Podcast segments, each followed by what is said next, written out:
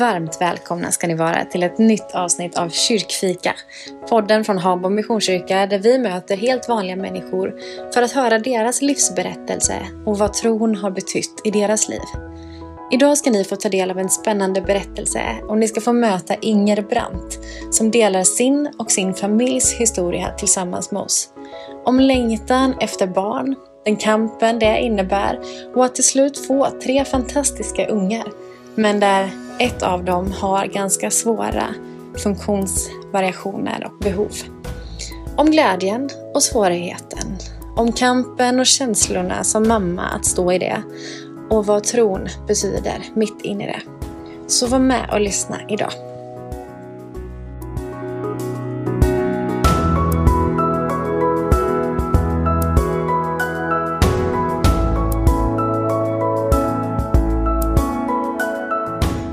Varmt välkommen säger jag till Inger Brandt. Kul att få vara här hos dig. Tack. Vad, om du skulle få frågan, vem, vem är Inger? Vad säger du då? Då är det så att jag heter Inger och jag bor här i Habo och jag flyttade hit 1995. Och eh, jag går in på min församlingstillhörighet för det var så att när vi flyttade hit så kände jag att jag ville gå med i någon församling och då traskade jag runt lite i olika kyrkor och landade efter något år i Missionskyrkan och känner mig hemma där. Så mm. jag dyker ner på det på direkten. Och jag trivs, jag fortsätter med Missionskyrkan för jag mm. trivs i Missionskyrkan, du är mm. representant därifrån. Eh, och känner mig hemma och jag tycker att det är högt i tak och att det är förhållandevis låga trösklar. Och det gillar jag med kyrkan och det är överensstämmelse med, med min övertygelse. Mm. Och inte minst så var det faktiskt en stor ingång var på den tiden att det fanns en fantastisk kör som eh, var helt fantastisk. Och den bidrog också aktivt med känslan av inkludering. Just det. Har, har kyrka och tro alltid funnits med? Liksom? Ja, eh, det har det. Det har varit en självklarhet för jag är uppvuxen i en stor familj. Och våra föräldrar de var måna om att visa på en aktiv gudstro. Och detta har präglat mig och följt med mig genom hela mitt liv. Och jag har valt att tro. Mm. Och det känns naturligt och det är en del av mig. Däremot kanske synsätt och tolkningar och kanske lite framförandet av tron kanske har nyanserats och ändrats något under livet. Men viljan att ha en tro förankrad i Gud, den kvarstår. Mm. Och då vill jag komma in på det här med, med alfa, för det var så här att jag vill slå ett slag för det. För jag tyckte det var en fantastisk möjlighet att få vara med i en alfakurs. Trots att jag då hade varit medlem i, församlingen i många år. Och jag tyckte det var så fantastiskt att frågor om tro och livet och olika synsätt, att det lyftes. Och att det var så inspirerande och frigörande. Och att det var ett forum som, där det var fokuserat på att lyfta fram tankar och diskutera med andra som var där som också ville reflektera och diskutera sin tro. Mm. Men alfa är ju bra tänker jag och jag tänker att det kanske är det vi skulle... Jättebra Maria! Jättebra! ja. Men också det här att bara få prata om frågor som rör tro och livet. För det mm. gör vi ganska sällan. Mm. Du och jag har ju eh, bollat lite kring den här, eh, att få vara med i den här podden. Eh, och liksom, du har ändå landat i att du ändå vill göra det av en speciell anledning. Vad, vad är liksom vad är det du vill säga? Eller vad är det liksom, varför, varför vill du vara med här? Det är så att jag skulle jättegärna vilja ha detta forumet att kunna få berätta om våran familj. Och kanske på det sättet kunna bidra till att öka en kunskap och en förståelse. Hur det är att vara en familj där man har ett barn, eller numera ungdom, som har en funktionsnedsättning. Hur det präglar oss. Under årens lopp så har jag föreläst lite på olika ställen på högskolan och inför pedagoger och kollegor. Eh, då i egenskap av rollen som, som förälder och som familj till mm. Emma. Just det. Och då tänkte jag att detta är en möjlighet att kunna berätta om detta. Ja, men precis. Men och vad, vad är liksom er familjs historia? ja, då ska jag föra med dig tillbaka till -huh. rätt länge sedan. Det var så här att jag och min man vi önskade att bilda familj. Eh, och det visade sig att det skulle bli en ganska krokig väg. Och det ansågs mer eller mindre omöjligt för oss att bli gravida. Men trots det så inträffade det omöjliga vid flertal tillfällen. Fast varje gång så blev det ett hastigt avslut i form av ett tidigt missfall. Och jag brukar inte klandra Gud varför saker och ting händer, men detta var faktiskt ett undantag. För det smärtade så att vara med om det omöjliga och sen få bli snuvad i alla fall. Just det. Det kändes som en så otroligt onödig smärta. Och vidare på denna resan så gjorde vi också sån här IVF som det heter, sån här assisterad befruktning. Och det blev också resultatlöst. Och sen gick vi vidare och önskade att få adoptera. Och vi eh, anmälde oss och vi, vi var deltagare i en fantastisk studiecirkel. Och vi brukar faktiskt säga att, att den typen av, av utbildning, föräldrautbildning, borde kunna erbjudas till alla föräldrar. För det är fantastiskt att kunna få samtala om sitt blivande föräldraskap. Det var den resan, men så inträffade ju faktiskt det helt omöjliga som hade blivit oss tillsagt. Så att vi blev faktiskt efter några år sedan i rask takt föräldrar Mm. till tre stycken barn. Till tre stycken, ja. Precis. På ganska kort tid Mm. dessutom. Ja. Och sen, men då är ju utmaningen, dels för det första bara tack för att du berättar det här. Eller för jag tänker det här är ju en eh, erfarenhet som många tyvärr står i. Att man kämpar Ja. med barnlöshet. Liksom. Men så får ni Erik och Emma och Klara. Ja. Och vad händer då? Vad händer då? Det är nu jag ska berätta om hur vi har det i vår familj. Ja, precis. Då är det vårt mellanbarn. De, de föddes eh, på mindre än fyra år. Eh, våran Emma, hon är tre år. Det här är ju länge sedan. Och hon börjar på en fantastisk, fantastisk förskola som 15 timmars barn. Det var precis, precis nytt på den tiden. Eh, och hon startade där och vid inskolningen så kunde jag ju vara med lite på avstånd och kunde iaktta henne. Och då faktiskt som först så började det landa hos mig att hon var i behov av väldigt mycket stöd.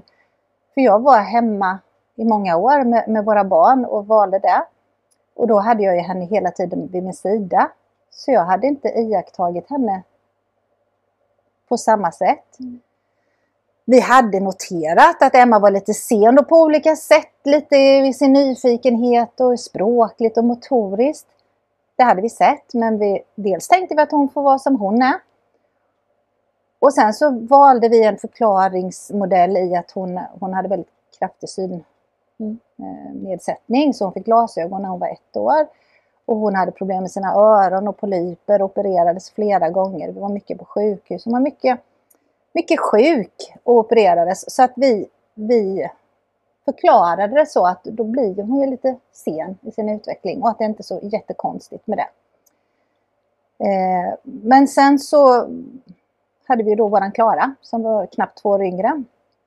Och under de här åren när hon gick på förskola hemma så, så gick ju då Klara förbi henne utvecklingsmässigt. Och det, det gick ju inte att blunda för just det. Plus att då personalen på förskola och så här, att vi, då kom vi in i ett system och vi fick uppbackning runt om och Mm. insatser sattes in. Så att det var ju våran, våran resa började när Emma egentligen började på förskolan. Hade ni, hade ni någonstans kunnat ana liksom att eller vet, hade någonstans tanken föresvävat att det kanske finns en större problematik här? Eller är man så inne i föräldrarollen att man inte ser det? Eller att ni inte såg det? Att det var en försening och så, och jag vill inte riktigt gå in på det så kanske, men, men, men det anade vi ju. Jag tänkte ja, ja, det blir lite stöd någonstans och det blir lite så här, men, men inte att eh, det som hände det var ju det att inför skolstart Mm. så gjordes ju då en utredning som då visade på att hon hade en IF, som det benämns, en intellektuell funktionsnedsättning och autism och hon har även lite lindrig epilepsi. Eh, Det kommer faktiskt i alla fall som en chock. Mm. För eh, jag, vi kunde inte ta till oss det Nej, eller se det. Mm. det, det. Ändå så jobbar vi inom detta, både jag och min man. Ja, precis. Men nej, Men det är ju en annan sak, tänker jag, att se det i andras barn och att se det i sitt Ja. eget barn. man, man tar nog till sig det som man, man orkar och mäktar med. Jag tror att man är funtad så. Hur, eh, Hur har det varit liksom sen? Hur har vägen sett ut? Eh, Det har varit en, jag har lite punkter här som jag har skrivit upp så jag kör med mina punkter. Ja, det. och det ena punkten är att det har varit en berg och dalbana. Och jag brukar säga att eh, denna innehållsrika familjeresa det har varit snabba och ofta uppförsbackar. Och lika väl som det har varit snabba nedförsbackar. Eh, och vi, men det är ju så att vi är fyra till som ska förhålla oss till Emmas dagsform. Sen är det fantastiskt med den här berg och dalbanan för att vi har ju väldigt, väldigt nära till skratt och gråt. Och vi har blivit väldigt, väldigt tajta i familjen. Och när allting fungerar i den här berg och dalbanan och, och är på samma plats så är det ju en enorm lycka som är jättestor. Mm. Nu säger jag lite olika punkter här som jag har skrivit ner för att det är lite sen, sen det jag föreläser för jag tycker det är lättare att hålla Mm. till det. Så, så jag fortsätter. Eh, och en annan, eh, vad Emma har lärt oss det är att, att eh, syskonen har ju tränat sig att visa empati. Det är en fantastisk, fantastisk tillgång. Eh, att de har fått fylla sin livsryggsäck med det. Men eh, emellanåt så tror jag att ryggsäcken har blivit lite väl fylld. Och att det har varit svårt för dem att veta hur man ska hantera allt. Och hur man ska förhålla sig till sin situation. Mm. Och som man säkert kan tänka sig in i så själva potten av eh, uppmärksamhet i vår familj har ju varit ganska ojämnt fördelad. Ja, men verkligen. Och jag tänker att det måste varit en utmaning både för som syskon och som förälder. Ja, att räcka till. Ja. Och eh, jag tror att fler än vi skriver under på att just att ha dåligt samvete för syskonen, att det, det, det hänger i. Mm. Men sen är det så att Emma hon har ju lärt oss att hela tiden vara verkligt, verkligt närvarande. Och vi övar upp vår förmåga att se en möjlighet i ögonblick. Och vi har blivit konstruktiva tycker vi. Och för att få en fungerande vardag, fritid och familjeliv och semester. Och det här är positiva sidor, att man övar på det. Och en jättefantastisk, eh, helt otippad grej det är att, att eh, vi har ju då varit tvungna eller tagit tag i situationer och, och skapat nya relationer med människor runt omkring för att eh, klara oss bättre. Och till exempel så var det så under en period så, så har det varit tufft att få upp Emma på morgonen. Eh, och då så kom våran jättemorgonpigga granne med sin fantastiska hund in till oss på en kopp te varje morgon. Eh, och kunde hjälpa oss och Emma och motivera henne. Mm. För det var ju så att hon var tvungen att skynda sig på lite för hunden var tvungen att gå ut och kissa. Ja, precis. Så Och då, då- fick hon göra det. Ja, liksom. och där stod bussen som skulle ta henne till skolan. Ja. Varenda morgon så stod den där. Vilken hjälte. Ja, Ja. ja helt fantastiskt. Eh, så. Och sen brukar jag säga att, att hon har så fantastiska egenskaper, Emma, som, som gör att hon visar lite på, på de egenskaperna. Lite gudslika egenskaper brukar jag säga. Mm. Eh, för hon har ett sånt fantastiskt bemötande av människor. Och hon är på många sätt en förebild. Och hon vill alla väl. Hon har inga baktankar. Och hon ljuger inte. Hon är godtrogen och har ett stort hjärta.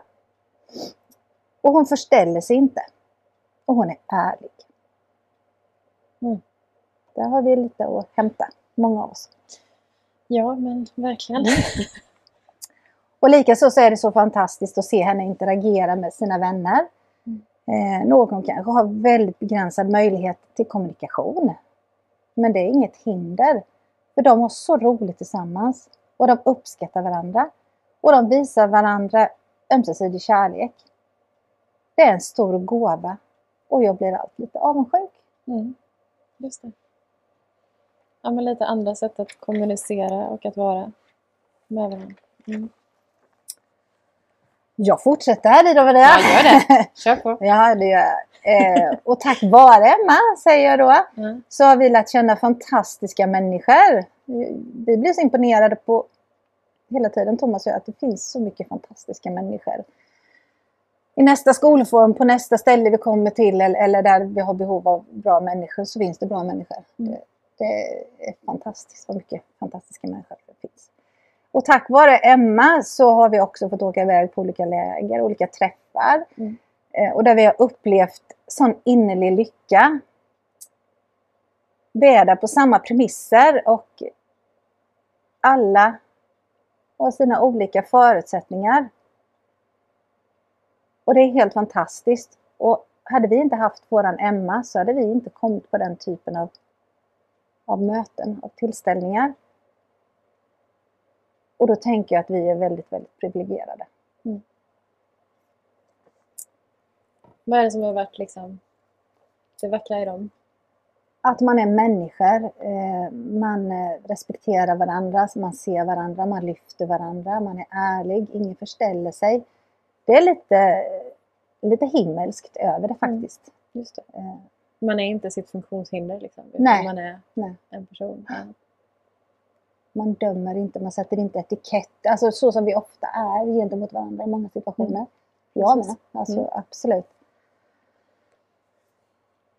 Ja, det tänker jag på. Ja. Vad, eh, vi ska komma in på liksom det här med vad vi som eller vad man kan göra runt omkring. Men jag har en fråga först. Eh, vad, vad har varit det svåra?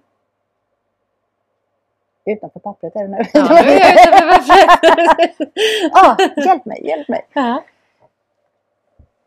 Eller jag förstår att det är mycket som har varit jobbigt liksom. Men eh, Samtidigt som det finns väldigt mycket positivt att lyfta i det. Och det är ju det ja, men då hoppar jag nog till min lilla sista sida här. Ja. Om jag ska säga något som har varit svårt. Då vänder jag blad här. Ja. Eh, det som är pågående hela tiden det är väl till exempel oro. Oro mm. inför framtiden. Eh, när vi förstod hur det stod till med Emma så, så oberoende av varandra så tänkte vi på vår egen bortgång. Eh, det har jag aldrig tänkt med syskonen, hur de ska klara sig. Men, och det tror jag att jag att många känner så. Att man, mm. man undrar vad som händer då. Eh, och sen är det orken. Jag tänker att man kan jämställa oss lite med att man är som småbarnsföräldrar kanske fortfarande. Och Emma är nu 20 år. Mm. Men, men eh, jag har också blivit 20 år äldre än när jag var småbarnsförälder.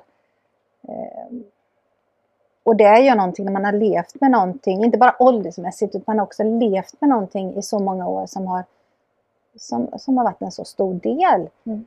Eh, och att vi ska hålla länge sa de från habiliteringen. Och det förstod man nog inte innebörden av alls. Men det fick vi ipräntat oss och det förstod man 15 år senare. Att mm. Det var detta det var jag, det var hålla länge. Det har jag nytta av i mitt yrke. Ja. Och och då, men då när ni fick det kanske man inte har heller den förmågan att ta nej, in det? Nej, Mm. Det har man inte. Man är ju så nog med, med den dagen, mm, hur den ser ut. Och sen att man inte tappar bort sig själv eller, eller varandra. Mm. Och en sak så, som, eh, som är lite jobbig, det är ju att vi hela tiden är beroende av rådande samhällsklimat, av rådande ekonomi i samhället. Vi är beroende av det. Eh, och Emma kommer ju alltid vara beroende av det. Mm, eh, och mitt i detta då, om vi ska avsluta lite positivt, så är jag ju tacksam Ida-Maria att du, att du är med och bidrar genom att du betalar skatt. Ja, För jag är väldigt, väldigt tacksam att vi bor i Sverige, att vi har ett system ja. som eh, man får vara del av. Ja, men verkligen. Det var nog lite av de grejerna som, är, ja. som frestar på. Om man, eh, om man då tänker liksom tillbaka till, vi började i det här med församling och vad kyrkan och tron ändå har varit för dig. Vad har varit eh, hur har det liksom varit med Emma? Och vad är, och som familj, alltså på vilket sätt skulle liksom församlingen, eller på vilket sätt har församlingen funnits där? På vilket sätt skulle vi som församling kunna finnas där i liknande situationer? Nu är vi lite utanför pappret. jag ska gå tillbaka. Eh, det jag, nu hoppar jag lite lösryckt här. Det jag har uppskattat väldigt mycket när jag har haft möjlighet, det, det är till exempel gudstjänsten ska jag bara säga som, som en oas som finns där samma tid och man kan gå och, och hoppa ner bara ifrån sin egen vardag och bara komma in fysiskt med sin kropp, med, med känslor, med syn, med sinnen. Få komma in i denna världen en timme och känna att, att här tankar jag är, kan ingenting annat göra om jag har gått iväg själv. Mm. Eh, det är fantastiskt. Eh, den oasen. Mm. Eh, så Eh, däremot så kanske man ska tänka till i olika verksamheter, både i församlingen och, och andra verksamheter. Jag har en, som en liten liknelse, för det kan faktiskt bli så här, nu styr jag in det så här, Ida-Maria, mm. att i olika verksamheter så, så kanske man ibland har lite svårt för att låta de fria fåglarna eh, man har lite svårt för de fria fåglarna.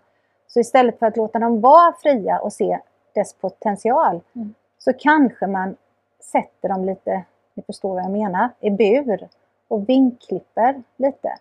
Bara för att den rådande omständigheter, att det ska vara ordning och reda. Ja, eh, att alla ska inom samma mall. Detta är bara en liten liknelse mm. som, som Erik, sonen, sa att ja, men den här var ju, den satte ju pricken precis mamma, för det är ju så det är både tänka lite i församlingen faktiskt, mm. men också i många olika verksamheter. Just det.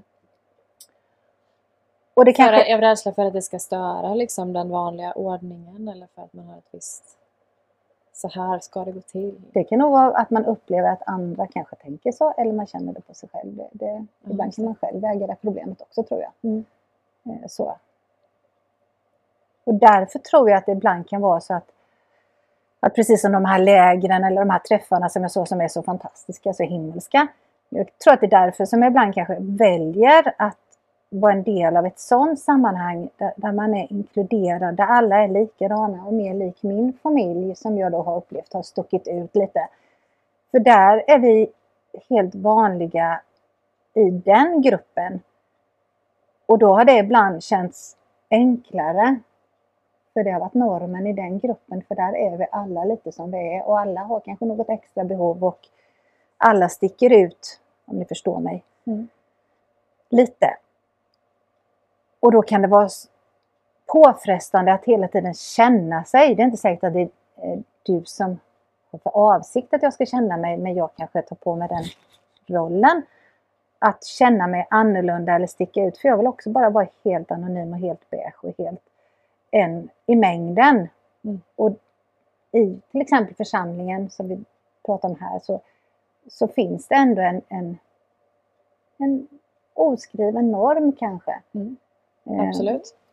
Och som vi sa innan att, att det behövs. Det behövs familjelivet, det behövs tvåsamheten, det behövs självgående, det behövs mycket så. Men det kan också, man kan också känna sig lite utanför kanske. Eller, mm. utanför kanske ja, tokigt ord. Ja, men det är klart att det är en del av det man lever med i sin vardag alltid. Att då ibland bara få ha de där oaserna när man får vara som alla andra. Ja. Ja, det måste ju vara fantastiskt. Och bara för att göra en liten, det har inte med församlingen att göra, men, men Emma hon gick verkligen på världens bästa, bästa, bästa förskola. Och jag har bara två minnesbilder när vi satt och pratades vid igår, jag och sonen. Och, och det var när det var till exempel Lucia-firande. Jag tror ingen annan tänkte på det, men, men Emma stack ut i Lucia-tåget. Hon gjorde verkligen inte som alla sina kompisar. Hon gick inte åt det hållet eller hon tittade åt det hållet. Hon, hon, hon gick sin egen väg. Och likadant så var det ofta på fotografier, om de har varit på utflykt eller gruppfotografier. Att Emma höll sig gärna en bit ifrån alla sina kamrater och gick lite sin egen väg. Och jag vet att det, jag reagerade på att det gjorde så ont. Varför kan det inte bara vara en mängd? Bara veta sin plats och bara vara som alla andra mm. en liten stund. Även där så måste det stickas ut lite. Jag tror ingen annan kanske tänkte på det eller Nej, var så förlåtande, det var säkert alla och, och så men, men eh, jag tyckte det var jobbigt. För, för, det är skönt att vara en i mängden mm. och ha en tillhörighet och vara lika. Och jag tror att det är församlingens utmaning att vara inkluderande och få alla att känna sig så. Mm. Vad, vad skulle du liksom ge för råd? Eller alltså om du skulle till mig, som möt, alltså om jag skulle möta en familj i en situation, liksom, vad skulle jag kunna göra? Vad skulle man kunna tänka på? På vilket sätt kan man liksom vara en hjälp? Ida-Maria, nu kommer nästa papper med alla punkterna. ja, så, så fungerar jag. Eh, först när jag tänkte på, på det så, så känner jag att jag är, tycker att det är jättebra att i vårt mejlet man får om man är medlem i församlingen att det kommer då en uppmaning, har det kommit under flera gånger. Eh, det kanske var en tillfällighet, en period, men, men, det är inte så tokigt när man får en liten hint om, om att man kan bli kontaktfamilj eller kontaktperson och så. Eh, för det finns ett stort behov mm. och någon gång kanske någon nappar på detta eller man får upp ögonen för det. Det tycker jag var väldigt, väldigt bra. Och sen var det ett exempel igen då när jag satt och pratade med storebror 22 igår kväll. Eh, och då var hans tanke bara helt random så här att tänk eh, om någon som Emma gillar och som gillar Emma hade ringt till henne klockan nio varje söndag morgon och liksom lobbat för att de skulle gå på gudstjänst och att de skulle träffas. Det kan vara en pensionär, det kan vara en yngre, det kan vara vem som, alltså någon som känner att det här är min uppgift, det här är någonting. Och denna människan, då pratar vi om att då ringer man klockan nio söndag efter söndag efter söndag efter söndag efter söndag. Kanske. Just det. Inte bara en gång. Nej. Utan... Och man håller mm. ut och, och, och, så. Det är ju det som är. Mm. Eh, annars blir det tokigt. Och sen kanske denna människan då finns i kyrkan och, och, och eftersom det då under åren har varit lite svårt att få Emma att kunna till exempel gå iväg på, på söndagsskola som då är en slags barnpassning kan man väl säga. Eh, så har ju hon varit med mig i kyrkbänken och, och ätit russin. Eh, och tänk vad skönt så Erik då, 22-åringen. Tänk om denna personen hade suttit på andra sidan om russinpaketet och, och gett Emma russinen. Mm. Så att du hade kunnat vara fokuserad mamma på, på gudstjänsten och att den personen var lite halvt fokuserad bara för att den såg till att russinen distraherade. Eh, för det är inte alltid så lätt att, att kunna få avlastning via söndagsskola mm. eller att ha avlastning på annat sätt. Mm. Det, det, det är lite Nej, snävare. Precis, det hade blivit en vänskap för Emma och en avlastning för dig precis. på samma gång. Ja. Och så har de skapat en relation och sen när de ses på ICA så träffas de mm. i en mm. annan roll. Mm. Precis. Jag har aldrig tänkt så innan förrän vi pratades vid igår. Mm. Eh, och detta kanske skulle varit för tio år sedan i vårat liv men det kommer ju... Men det finns ju fler familjer. finns fler familjer, ja. Och, och då sa Erik, han, han är så klok, då sa han att det finns säkert andra människor som, som kanske behöver den där lilla knuffen att vi ses väl klockan tio. Eh, eh, också, men att man är uthållig och att man vet att när jag kommer dit så får jag alltid dricka kaffe med den då. Eller, eller likadant en ungdom kanske, att, att någon äldre, man kanske inte har äldre i sin omgivning, att den också bondar lite att, att men jag väntar på dig. Och sen behöver man då inte bli besviken om den inte kommer. Mm. Så får det inte vara. Men, men att man vet att man blir bara glad om den mm. kommer. Eh, men den knuffen tror jag att bara väntar på.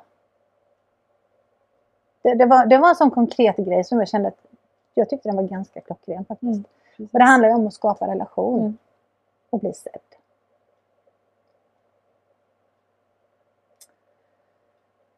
För det var någonting som, som storebror 22 då uppskattade otroligt mycket när han för många år sedan konfirmerades att just då var det i det fallet var det när äldre människor kom och hälsade på honom. Mm. Eh, det tyckte han var så, det var bland den största behållningen av konfirmationen.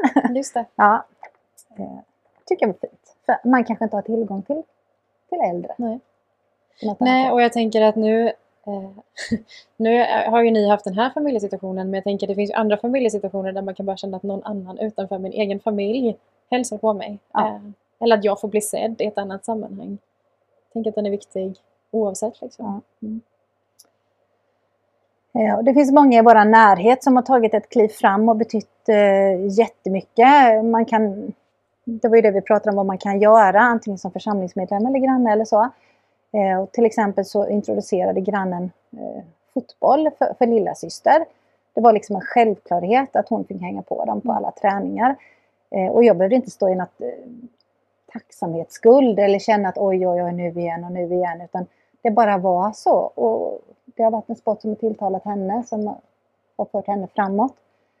Eh, och sen tänker jag att se syskonen, för det kanske ibland är svårt det här att bonda och, och, och, få relation med den som behöver lite extra. Det kanske är lite knepigare, kanske känns lite svårare. Men, men om man har syskon till sina barn så skapa en relation med dem och samtala och inte minst lyssna och låt dem ta plats.